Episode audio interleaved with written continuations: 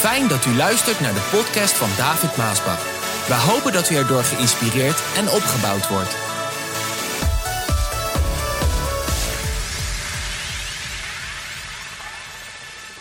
verhaal. Maria's verhaal dat is een van de best bewaarde verhalen in het westelijk halfrond. En al voor 2000 jaar wordt dit verhaal verteld, gepredikt, gezongen. En honderden miljoenen mensen over de hele wereld, ook vandaag, die vieren elk jaar kerstfeest. Kerstbomen, kerstlichtjes, cadeaus, kerstkaarten, gezangen. Ja, zelfs als je geen christen bent en de kerk niet bezoekt, dan weet je wel iets van het kerstverhaal. Maria, Jozef, we zien het buiten ook, etalages en tv. De engelen, de herders, koning Herodes, de wijs uit het oosten, de lange reis, Nazareth, Bethlehem, de volle herberg, de stal, de kribbe, de ster, de wijze. En toch, zoals het zo vaak is met een verhaal, als je het leest, ook in een boek of in een film bekijkt, dan zit er meer in het kerstverhaal dan dat je op het eerste gezicht eigenlijk het kan ontdekken en begrijpen. Het kerstverhaal dat begint negen maanden voor de geboorte van de Heer Jezus Christus. Het begint daar ergens in een dorp genaamd Nazareth. En Nazareth was in de dagen van Jezus Christus nog een gehucht. Gehucht. Ik weet niet of je daar wel eens van gehoord hebt, ik denk het wel. Het was een onbetekenend klein dorpje. Misschien 100 mensen tot 400 mensen, dus heel klein.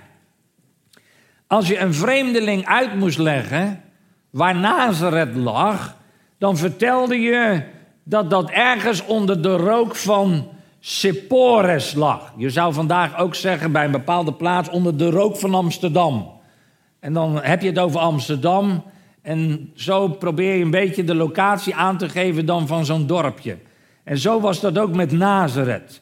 Seppores was eigenlijk waar het allemaal gebeurde in die tijd. En daar woonden wel 30.000 mensen. Dat was dus een behoorlijke stad. En daar waren de shoppingmalls. Dat was waar het allemaal gebeurde. Het culturele centrum van die tijd in dat gebied. Nazareth, dat was een dorp waar de boeren woonden. Waar de herders woonden. Nazareth, daar woonden eigenlijk de mensen die een uur moesten lopen naar Sepphoris om daar te werken. Die woonden dan in Nazareth. En de lage status van Nazareth lezen we in Johannes 1, vers 45, 46. En daar staat: Filippus, die ging naar Nathanael en zei tegen hem: hey, we hebben degene gevonden over wie Mozes en de profeten hebben gesproken. En hij heet Jezus. En is de zoon van een zekere Jozef uit Nazareth.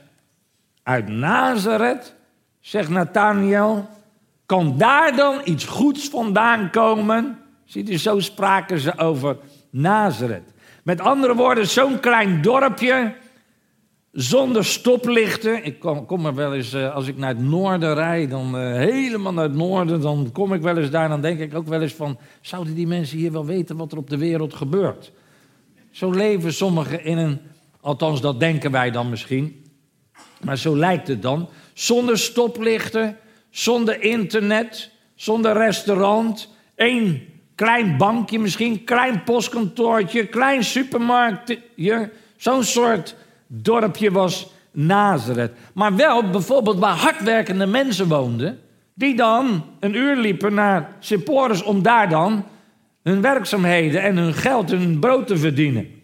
Maar lieve mensen, dit was het kleine dorpje waar Maria woonde. Maar David, waarom koos God dan dit kleine, onbetekenend dorpje uit en niet bijvoorbeeld Sepphoris? of Jeruzalem de hoofdstad. Om een vrouw te vinden om Christus Jezus, Gods zoon, ter wereld te brengen. Waarom koos, hij Nazareth? Wel, lieve mensen, dat zegt ons iets over het karakter van God. En we lezen in de Bijbel zo vaak dat God het mindere en het nederige uitkiest om zijn groot en belangrijk werk te volbrengen. Luister wat 1 Korinthe 1, vers 27 en 28 zegt. God heeft juist wat voor de wereld dwaas is, uitgekozen om hen die zichzelf zo wijs vinden terecht te wijzen. Hij heeft de zwakken van de wereld uitgekozen om de sterken te beschamen. God heeft het onaanzienlijke en het verachtelijke van de wereld uitgekozen. Ja, dat gebruikt hij om wat in de wereld belangrijk is buitenspel te zetten. Dan begrijp je een beetje de gedachtegang, het karakter van God, waarom hij Nazareth, kan daarna wat goed. Nazareth, Nazareth. Wat is nou Nazareth? Dat is een gehucht, daar kan toch niks vandaan komen. Lieve mensen, hetzelfde geldt ook voor de moeder die God uitkiest. U hebt iets gehoord al van Mama Maasbach, die daarover wat zei.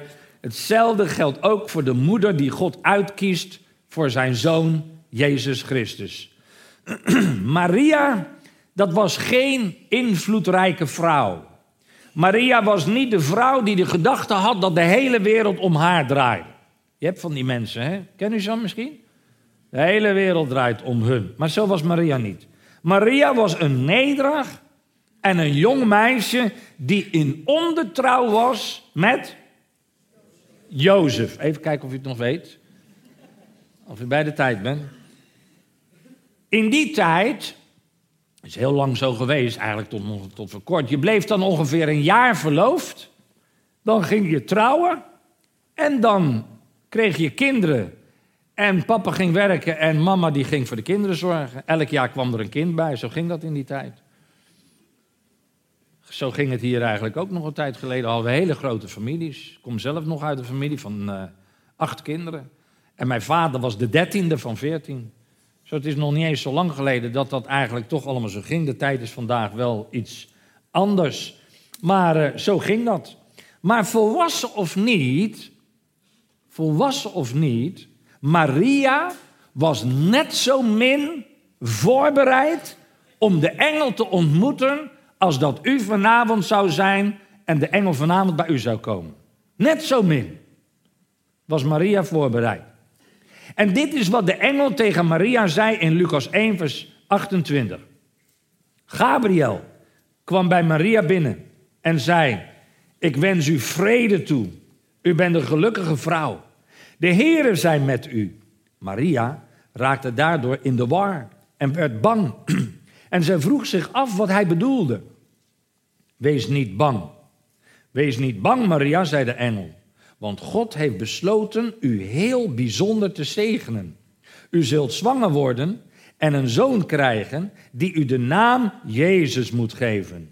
Hij zal een groot man zijn en de zoon van de Allerhoogste genoemd worden. God de Heere zal hem de troon van zijn voorvader David geven. Hij zal voor altijd over het volk Israël regeren en aan zijn regering zal geen einde komen.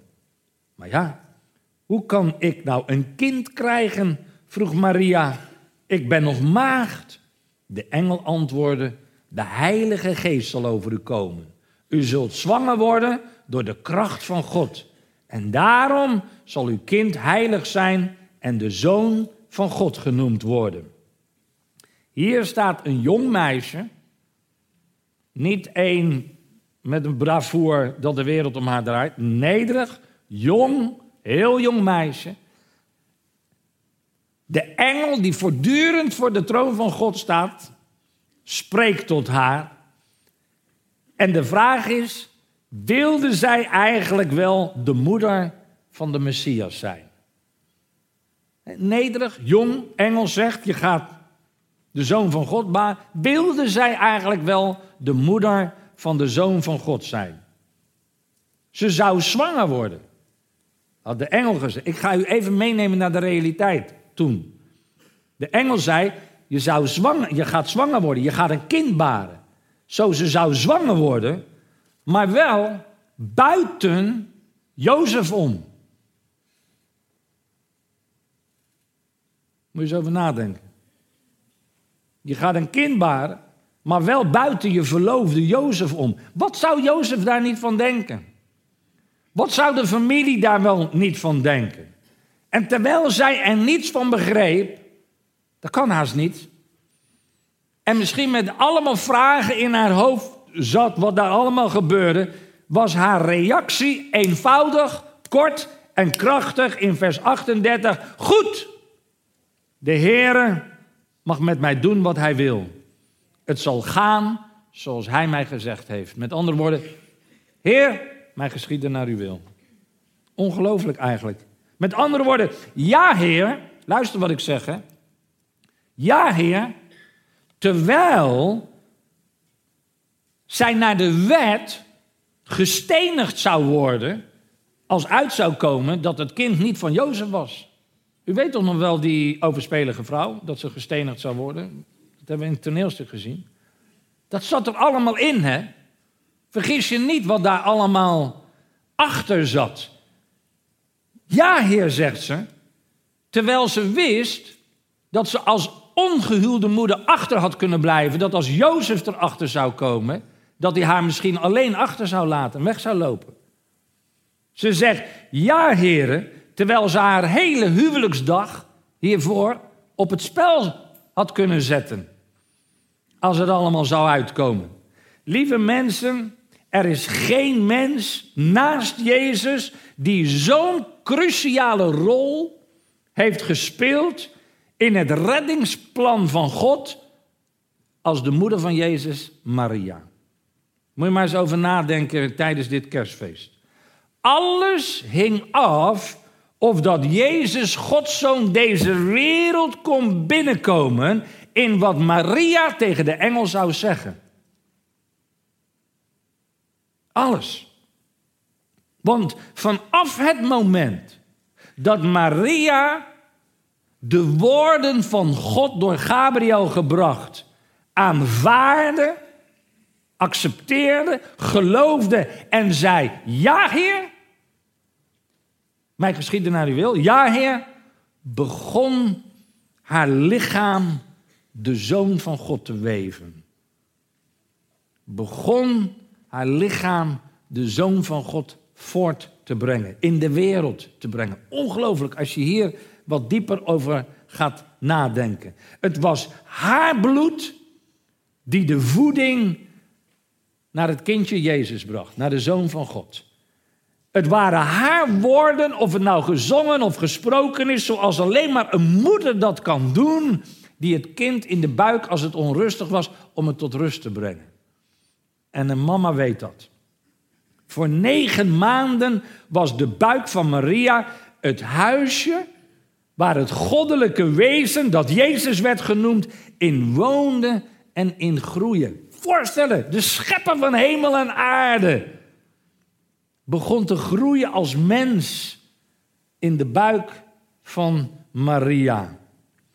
Nog nooit heeft iemand zo'n relatie met de levende, zo'n intieme eenheid met de levende God gehad als Maria. Maria was het meisje dat geboorte gaf aan de zoon van God in deze wereld. Onvoorstelbaar. Het was Maria die Jezus voorzag van moedermelk. Het was Maria die Jezus in haar liefdevolle armen nam als het huilde. Het was Maria, ja, dat werd toen ook gedaan, die zijn luiers verschoonde. Dan had je daar nog niet van die hele mooie huggies. Maar ja, die hadden wij ook niet, want uh, dat waren. Uh, ik had altijd van die. Uh, ja, grote lappen. Ik weet niet eens hoe je die noemde. Katoenenluiers? Ja. Ja, die kennen jullie niet, mijn kinderen. Dat waren van die mooie broekjes, die deed je uit en dan hup, weg. Maar deze moesten gewassen worden. En dan hadden we nog niet zo'n uh, mooie wasmachine zoals vandaag. Nee, dat was. Die stond nog in de tuin. Of daar achter in de schuur ergens. Ach, ach, ach. Maar ja, maar dat had Maria ook, want Jezus was net zo'n baby hoor. Maria zorgde voor hem. Maria huilde om hem. Maria had Jezus lief. En na 33 jaar, na zijn geboorte, stond zij voor het kruis en ze huilde weer. Want ze zag haar zoon daar hangen.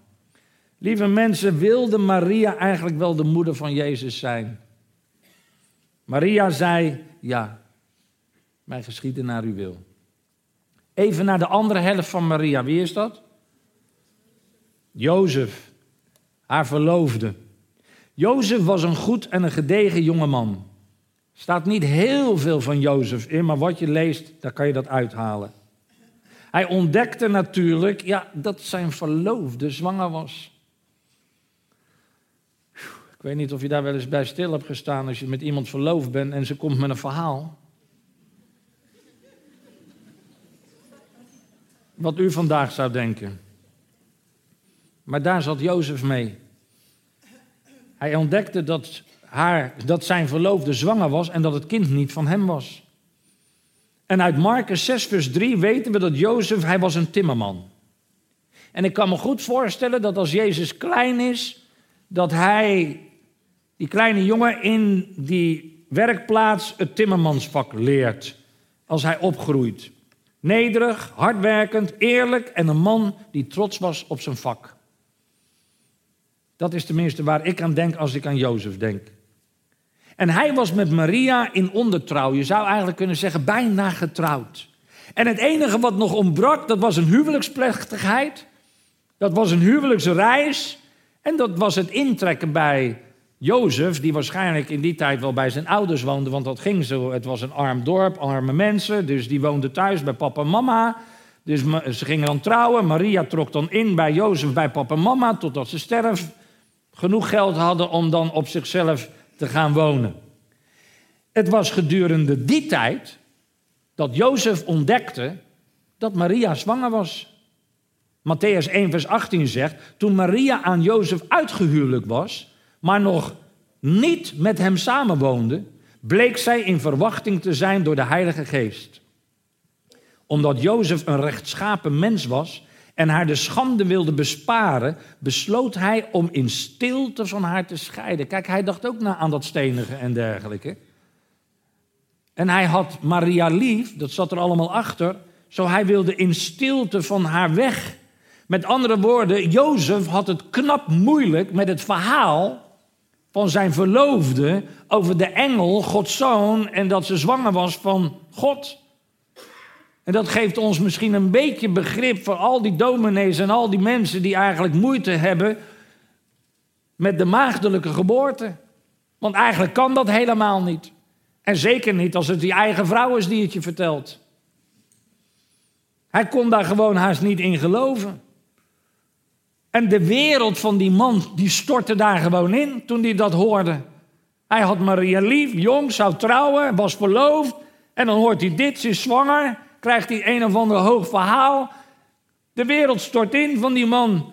Wat moet dat, lieve mensen, een moeilijke tijd zijn geweest voor Jozef en Maria. Toen, op dat moment. Maar dit vind ik mooi, luister.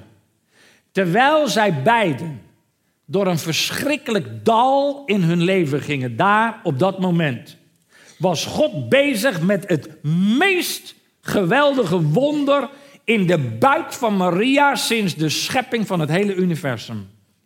Ongelooflijk. God orchestreerde hier de geboorte van de redder der wereld. God was bezig. En God wilde ook Jozef een klein rolletje geven in dit grote reddingsplan. Er stond iets groots te gebeuren. Alleen ja, Jozef zag het nog niet. En Maria die zal het nog niet helemaal begrepen hebben. Lieve mensen, als u vandaag door een moeilijke fase in uw leven gaat, en dat kan waar niemand misschien wat van weet, denk dan maar aan Jozef en Maria, hoe moeilijk het daar voor hun was. Maar denk ook aan de woorden van de apostel Paulus in Romeinen 8, vers 28, waar hij zegt, voor wie God liefhebben, werkt alles mede ten goede, want God heeft een plan met je je God lief hebt, werkt alles mede ten goede. Of je het nou ziet of niet ziet. Met alle andere woorden, als alles in je leven tegenzit, en dat kan, dan kan het zijn dat God met iets groots en geweldigs in je leven bezig is. Alleen je kan het nog niet zien. Maar het werkt mede ten goede. Als Jozef was weggelopen van Maria, en dat had gekund, dan had hij iets geweldigs gemist in zijn leven. En gelukkig deed hij het niet. Lieve mensen, loop daarom nooit weg van teleurstellingen. En allerlei dingen wat je hoort en ziet en vandaag overal hè, om je heen. Internet, Facebook, Twitter. Wees voorzichtig met alles wat je leest. Alles wat je leest, alles wat je hoort, waar je een open zet, komt allemaal maar binnen. Soms heb ik vandaag niet eens meer zin om de krant te lezen. Alleen maar baggernieuws. Alleen maar baggernieuws. Ik lees liever de Bijbel, het woord van God. Dat geeft hoop. Dat geeft leven. Die nacht had Jozef een droom. En dit is wat hij droomde in Matthäus 1, vers 20 en 21. Jozef, zoon van David, zei de engel: U kunt gerust uw vrouw Maria bij u thuis nemen. Zij is in verwachting van de Heilige Geest. Ze zal een zoon krijgen die u Jezus moet noemen. Dat betekent God redt, want hij zal de mensen redden van hun zonden. En diezelfde morgen ging hij op naar Maria. Ik denk dat hij blij was in zijn hart. Op naar Maria. En hij vertelde Maria over de droom. En hij zei: Maria, ik geloof je. Mooi hè? Maria, ik ga met je trouwen. En Maria, de zoon die uit jou geboren wordt, die zal ik opvoeden als mijn eigen zoon. De Heer maakte het allemaal daar in orde. God sprak tot Jozef door dromen, zegt de Bijbel. En de dromen van Jozef maakten dat hij de rest van zijn leven was toegewijd om Jezus op te voeden en om Jezus te beschermen als een aardse vader. Ik ben blij dat de Heer het allemaal zo geregeld heeft. Jozef luisterde naar God in zijn dromen en hij was God gehoorzaam. Even terug nog naar Maria voordat we gaan sluiten. Nadat Maria te horen had gekregen dat zij dus een kind zou baren, ze was maag, jong, nederig, en dat dat kind de zoon van God zou zijn, kan ik mij voorstellen, omdat ze natuurlijk nog zo jong was, dat ze daar heel veel vragen over had. En met wie moet je dan praten? En er zijn een hele hoop die, ja, die willen over de dingen dan praten. Ik heb geleerd, prijs de Heer, om altijd met God te praten. En om al mijn dingen maar bij de Heer te laten. Het allemaal voorbij te laten gaan, gewoon doorgaan. En de Heer, die maakt het allemaal maar wel. Dat is goed om te onthouden, ook voor jezelf. Maar heel veel mensen hebben dan toch de behoefte om met iemand te praten. Dat kan ik me ook wel weer voorstellen. Dus Maria ook. Nou, wie kon zij nou het beste gaan om over deze moeilijke zaken te praten? En dan herinnert zij zich dat de engel iets had gezegd over Elisabeth. In Lucas 1, vers 36. Nadat Gabriel haar had verteld over de zoon van God dat ze zwanger zou worden, zegt hij: Maria, ik heb nog meer goed nieuws.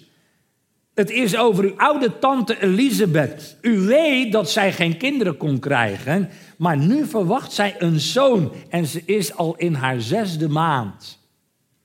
En daarom ging Maria naar haar tante Elisabeth. Goeie keuze, denk ik. Het is altijd belangrijk dat je, ja, dat je begrijpt en dat je weet en beseft wie zijn je adviseurs. Als je ergens met iemand over wil praten, wie zijn je adviseurs? Je hebt een hele hoop vleeselijke mensen die met vleeselijke dingen komen, maar je hebt mensen nodig die geestelijk zijn en geestelijk praten. Als je advies nodig hebt. In de hoop natuurlijk ging zij naar Elisabeth, zodat zij met Elisabeth over dat hele gebeuren kon praten. En dat Elisabeth haar zou geloven, nummer één, haar zou begrijpen en haar zou kunnen helpen. Wel, als er iemand was die haar kon helpen hierover, dan was het Elisabeth. Want Elisabeth en Zacharias, dat waren eigenlijk de nieuwtestamentische Abraham en Sarah. Want ze konden geen kinderen krijgen. Door een groot wonder kregen ze een kind. En als Maria dan op weg gaat naar tante Elisabeth en haar ontmoet, is dit wat Lucas 1, vers 41 en 42 ons vertelt. Toen Elisabeth de groet van Maria hoorde, begon het kind in haar buik te trappelen. En Elisabeth zelf werd vol van de Heilige Geest. En ze jubelde het uit. Dit waren de eerste woorden die Elisabeth zei tegen Maria. Maria, je bent de meest gezegende vrouw van de hele wereld. En jouw kind draagt Gods zegen. Toch heerlijk? Als je ergens heen gaat, je zit met vragen. Dit is het eerste wat dan tot je komt. Lieve mensen, wat een heerlijk iets moet het geweest zijn dat in de meest moeilijke momenten van het leven van Maria had zij steun van haar oudere tante Elisabeth. Elisabeth was haar mentor. Elisabeth was een bron van bemoediging en wijsheid van Maria. En laten we eerlijk zijn, we hebben allemaal wel eens tijden dat we Elisabeths in ons leven nodig hebben.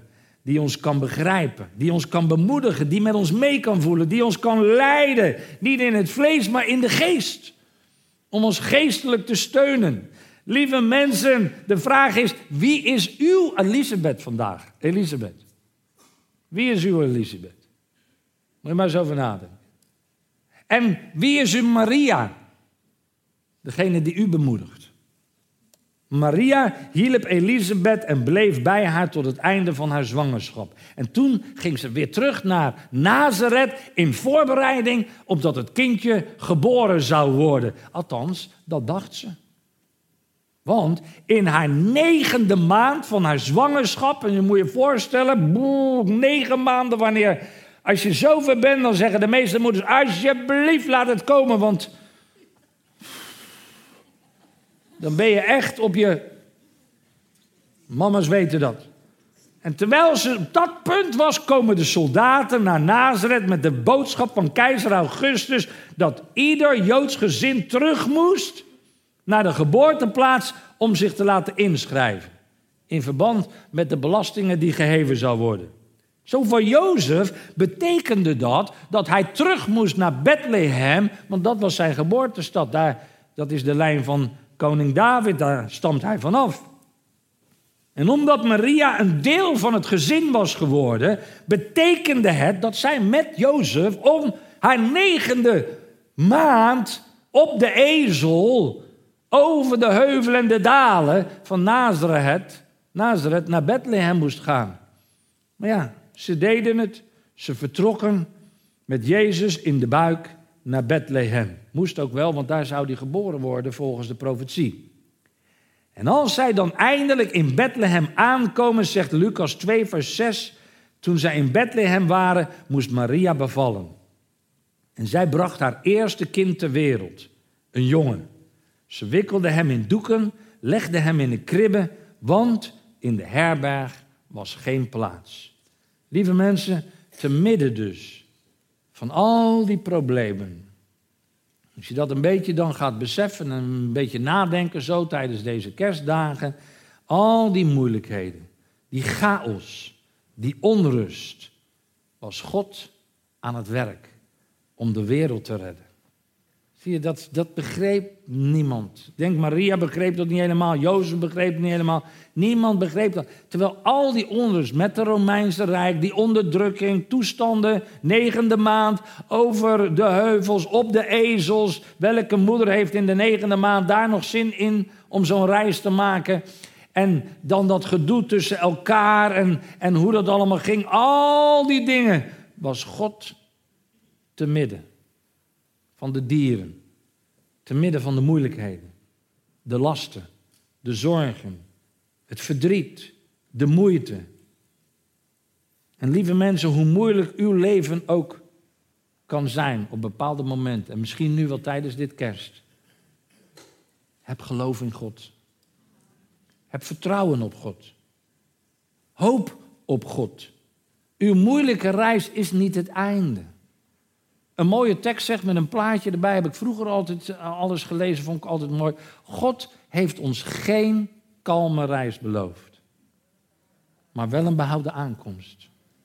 En dan, lieve mensen, dat is waar het allemaal om draait. Want het gaat om de eeuwigheid. Dit leven gaat voorbij. En dit leven hier met alle toestanden Weeg niet op tegen de eeuwigheid in heerlijkheid met Jezus Christus. Hou daar rekening mee. Met alles wat je doet in je leven, in je gezin. Ergens zeg ik altijd, ergens, daar komt een kassa. Aan het einde, ergens, daar staat een kassa. Daar kom je langs. Dan moet er afgerekend worden. En ik zit niet achter de kassa. En zo hou rekening mee. Het gaat om de eeuwigheid. Hoe moeilijk het soms ook is, blijf trouw aan Hem. Geloof op Hem. Vertrouw op Hem. Als het moeilijk is, alles werkt mede ten goede. Blijf in de rust. Blijf vol vertrouwen. Ga voorwaarts. Ga door. Blijf getrouw Hem dienen. Op de plaats die de Heer u heeft gegeven. Met blijdschap in je hart. Met vreugde in je hart. Laat het al die dat gedoe van de wereldse dingen, je hebt ermee te maken, je bent in de wereld, maar je bent er niet van. Geef het allemaal over aan Hem. En Hij zal te midden van alle onrust, zal die je vrede en blijdschap en rust in je hart geven, totdat je het ook mag volbrengen. Net als Jezus. En kan zeggen, Heer, het is volbracht. Paulus zei het ook, Heer, ik heb de wedloop gelopen. Ik heb het allemaal vastgehouden. Ik ben klaar om de kroon te ontvangen. En zo hoop ik dat het met u en mij zal zijn als de dag daar zal komen. Heer, ik dank u voor dit samen zijn. Dat we dit mochten horen en deze heerlijke dienst met elkaar mochten meemaken. En dat we mogen zien, nee, het gaat allemaal niet over rozen, geur en maneschijn. Het is allemaal niet makkelijk. Sommige momenten zijn moeilijk en soms begrijpt men het niet om ons heen. Maar Heer, wij hebben ons oog op U gericht. U bent de leidsman en de voleinder van ons geloof. En U zal ons door de stormen heen brengen van het leven. En Heer, daarom vertrouwen wij op U. In alles wat er rondom ons heen gebeurt in de wereld. Al gaat het nog zo slecht in de wereld. Heer, Gij zal voor ons zorgen. U zal voorzien in onze nood naar uw grote rijkdom. En u hebt gezegd, dat u ons nooit in de steek zal laten, maar altijd met ons zal zijn als wij in uw wegen wandelen en als we uw geboden gehoorzaam zijn. Zegen deze gemeente, heren. Zegen de broeders en de zusters, ook als we huiswaarts gaan en dit heerlijke kerstfeest met elkaar vieren. En als je hier bent en je hebt vergeving nodig van zonde, een white Christmas, een witte kerst in je hart, een reiniging nodig, dan mag je je hand op je hart leggen en dan mag je zeggen, Heer, vergeef mij. U bent gekomen naar deze aarde, u bent geboren en u bent gekruisigd voor mijn zonden. Vergeef mij mijn zonden, reinig mijn hart, maak mij witter dan de sneeuw en ik zal u dienen en gehoorzamen. In Jezus' naam. Amen.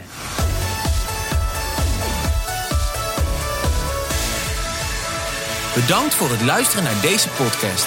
Wilt u meer preken beluisteren? Ga dan naar message.maasbachradio.com.